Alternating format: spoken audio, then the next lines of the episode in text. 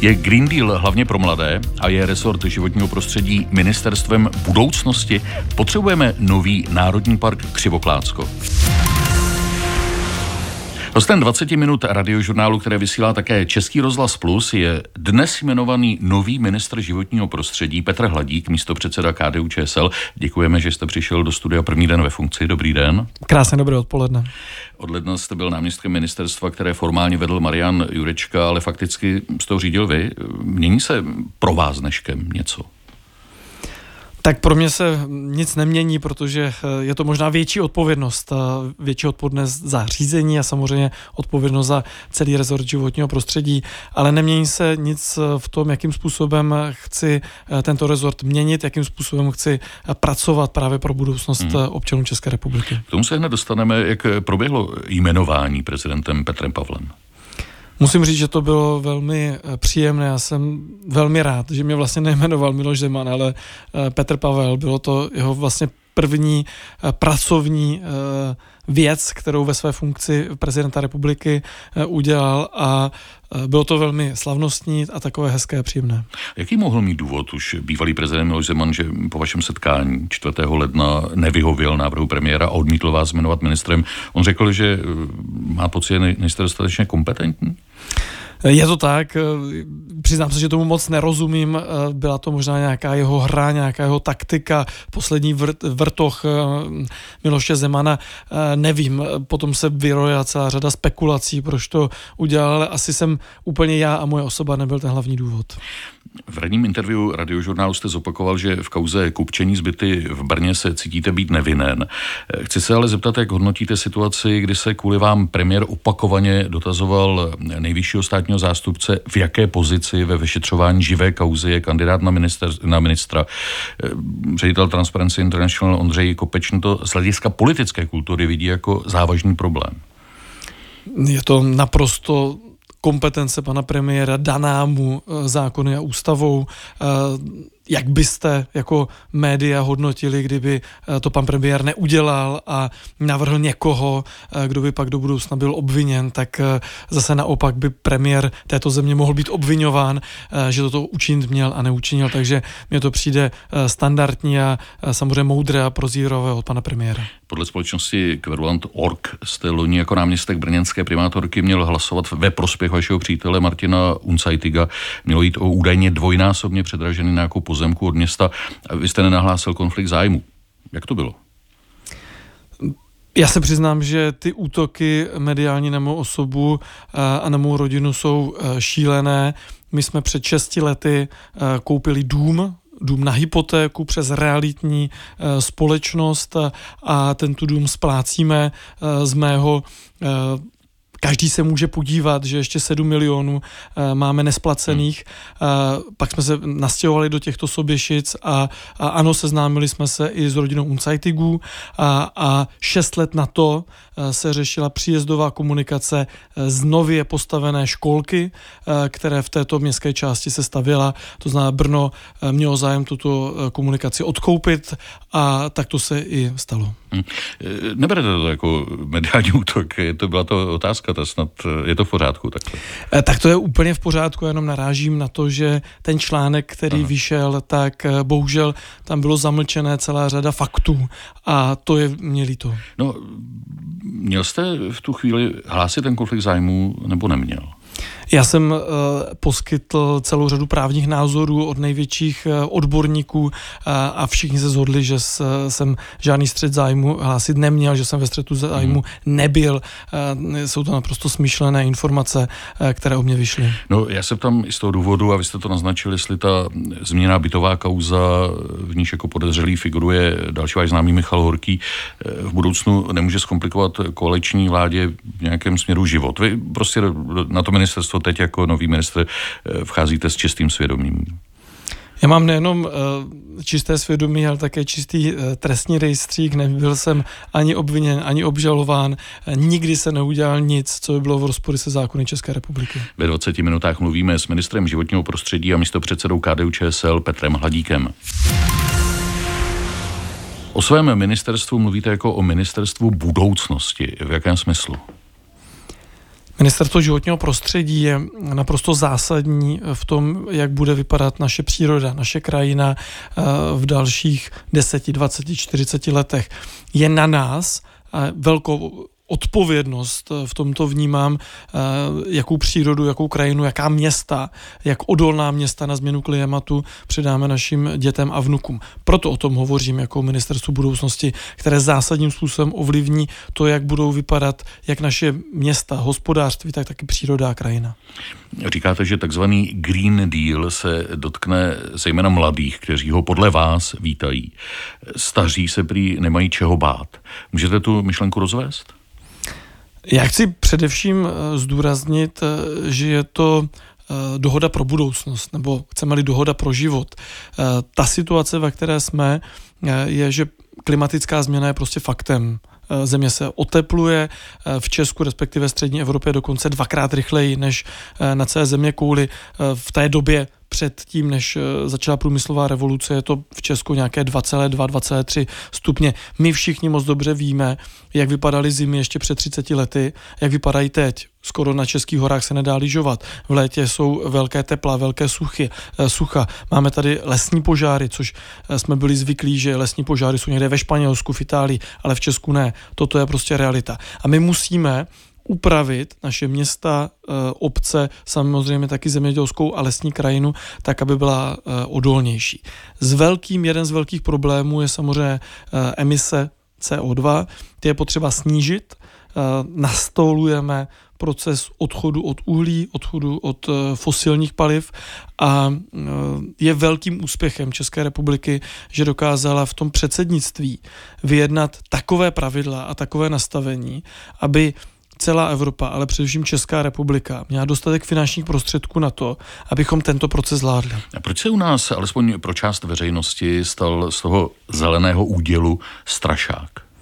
Protože v Česku máme spoustu e, pesimistů a spoustu lidí, a zvlášť politiků, e, kteří e, jsou populisté ať už eh, bývalí prezidenti Miloš Zeman nebo eh, Václav Klaus, tak celá řada eh, dalších politiků.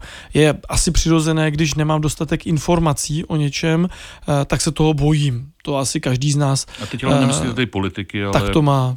ty, kteří a na to slyší. Je naší odpovědností, jak vlády České republiky, tak ministerstva životního prostředí, abychom dokázali dostatečně vysvětlit, uh-huh. proč tyto kroky děláme, jakým způsobem děláme a jakým způsobem ovlivní naši budoucnost. Já chci zdůraznit jednu, jednu zásadní věc. Ten schválený balíček opatření přinese obrovské množství peníze, peněz nejenom na zateplování, výměnu kotlu a tak dále, ale taky sociálně klimatický fond, který bude znamenat to, že nikoho se nemůže tato transformace dotknout tak, aby schudl nebo na tom byl jiným způsobem než teďka. Už vlastně dneska každý, kdo si vymění okna, zateplí, nainstaluje fotovoltaiku nebo tepelné čerpadlo, tak vlastně se účastní té transformace.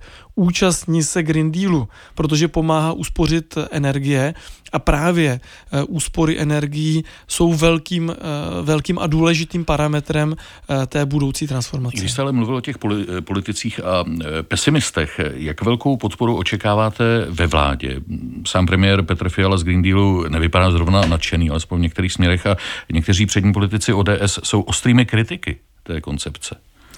Já vycházím z vládního programového prohlášení. To je zhoda všech pěti koaličních stran, která jasně říká, eh, že Green Deal vnímáme jako, jako potenciál pro Českou republiku, eh, že to vnímáme jako potenciál pro eh, změnu energetiky, transformace hospodářství a bereme a celá vláda hmm. to takto bere jako fakt a je opravdu naší odpovědností teď, jak dokážeme ty obrovské finanční prostředky využít na změnu energetiky, aby to dokázali využít všichni obyvatelé a občané vlastníci nemovitostí, ať už rodinných nebo bytových domů. To znamená, není to tak, že by vláda byla k tomuto skeptická, naopak to vnímá vláda jako příležitost. A jak tedy chcete jako minister oslovovat veřejnost a vysvětlovat, jak jste před chvílí řekl, eh, že se nemáme čeho bát a možná, že ani nemáme na vybranou?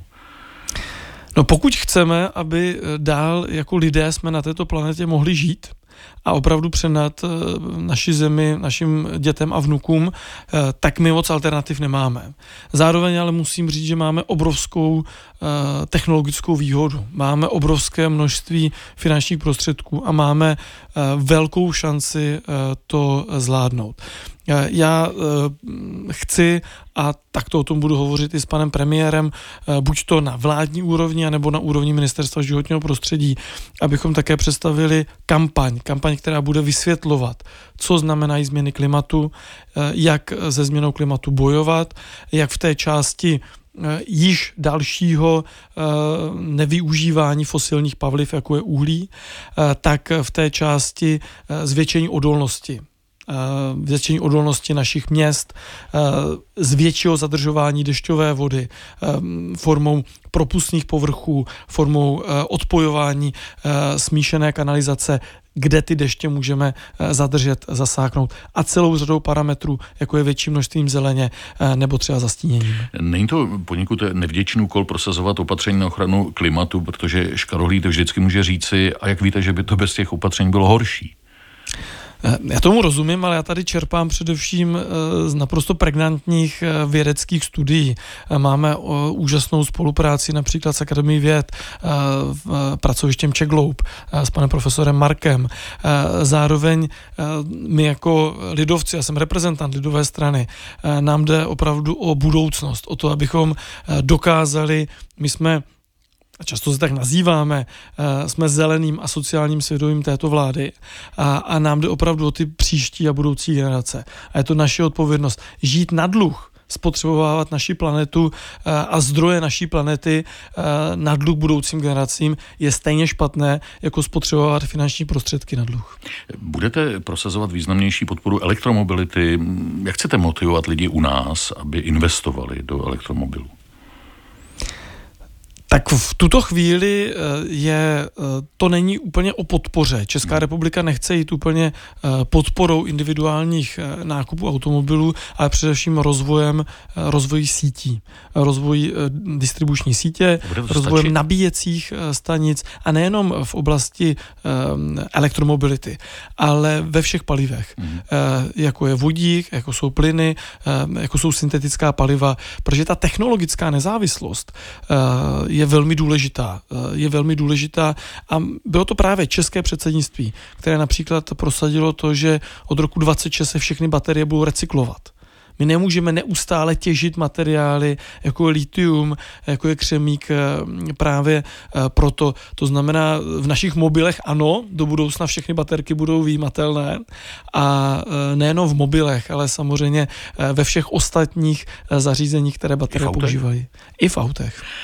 Spojené státy dotují bezuhlíkový průmysl masivněji než Evropská unie, která prostě asi nemá tolik peněz. Jak to dopadne? Přestěhují firmy provozy z Evropy do USA, jako třeba příklad je VW a takzvaná Gigafactory, která mohla být u Plzně, ale možná skončí ve Spojených státech. Co si o to myslíte?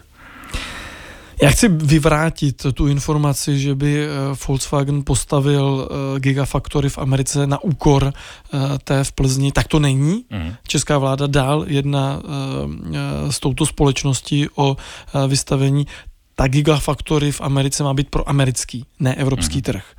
Uh, ta důležitá, ten důležitý parametr, který opět vyjednala české předsednictví, je to celá řada opatření, je to, že se například zavede uh, clo na výrobky, uh, které sem půjdou z oblastí mimo eh, Evropskou unii, tak abychom důležité eh, věci vyráběli eh, v, v rámci Evropské unie, tak abychom si vnitřní trh Evropské unie dokázali chránit, tak abychom dále nebyli zaplavováni levními výrobky, buď to z Číny, z Indie nebo Jižní Ameriky. A to je důležitý parametr právě proto, aby Evropa a Evropská unie jako taková byla dár konkurence, konkurenceschopná. Rozumím. Česko chce skončit s těžbou černého uhlí do roku roku 2033.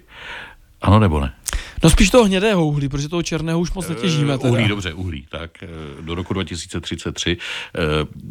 Richard Brabec, eh, váš předchůdce, tedy jeden z ministrů životního prostředí, když on je vlastně nejdále sloužící, myslím, ministr 8 let. On byl 8 let ministr. Dnes v našem vysílání eh, varoval, aby to nebylo ukvapené eh, vzhledem k té současné situaci. Přesto datum 2033 takzvaně nejede vlak? Musíme si říct, eh, že to není politické rozhodnutí. Eh, je to naprosto eh, praktické rozhodnutí, protože pálit dál uhlí prostě nebude hmm. ekonomické. Hmm. A promiňte, není to tak, že vlastně to nebude stát, kdo rozhodne o ukončení těžby, nebude mm, ta energie z fosilních paliv už tak drahá, že zkrátka uhelné společnosti tu těžbu ukončí sami? Já jsem se k tomu v podstatě chtěl dostat, protože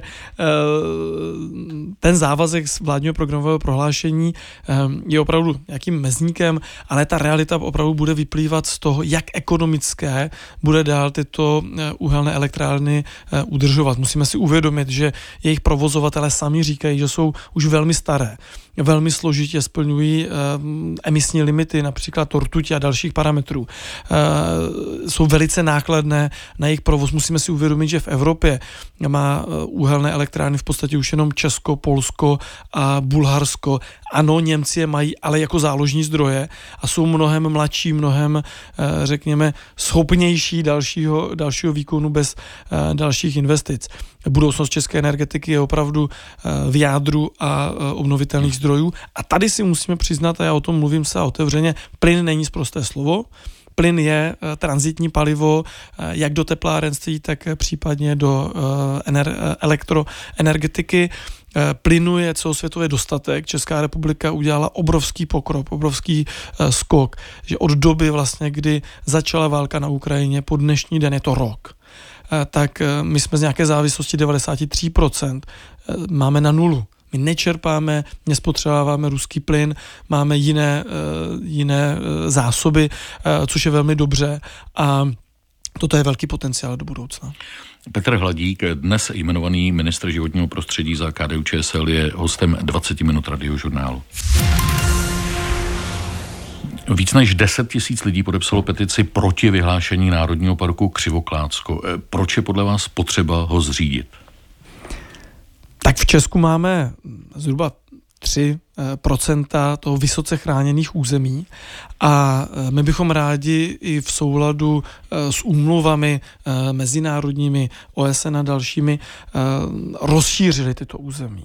Co je ale naprosto zásadní, tak křivokládské lesy, ve kterých kdysi lovil Karel IV., tak jsou velmi příkré svahy kolem Beronky, kde ty lesní společenství a společenství um, rostlin a živočichů na nich navázané naprosto unikátně. Tam celá řada živočichů, které nežijí nikde jinde, než právě v Křivoklácku. Eh, proto se domníváme, stejně tak jako v podstatě celá řada, řekněme všichni eh, z odborné veřejnosti, že je na čase Národní park vyhlásit. Když se v roce 76 vyhlašovalo HKO, už sami komunisti počítali, že do budoucna ty jádrové zóny budou Národním parkem. To, že se tak dodnes eh, nestalo, je velkou chybou za vlády Petra Nečase. Už to bylo poměrně daleko ve druhém čtení, už to skoro bylo na spadnutí, kdyby neskončila vláda Petra Nečase, tak asi eh, už tento národní park eh, máme. Já chci zdůraznit, že ten národní park chceme zřídit především na pozemcích České republiky. Jsou to lesy v majetku České republiky a patří tedy nám všem 10,5 milionům Čechům, Moravanům a Slezanům.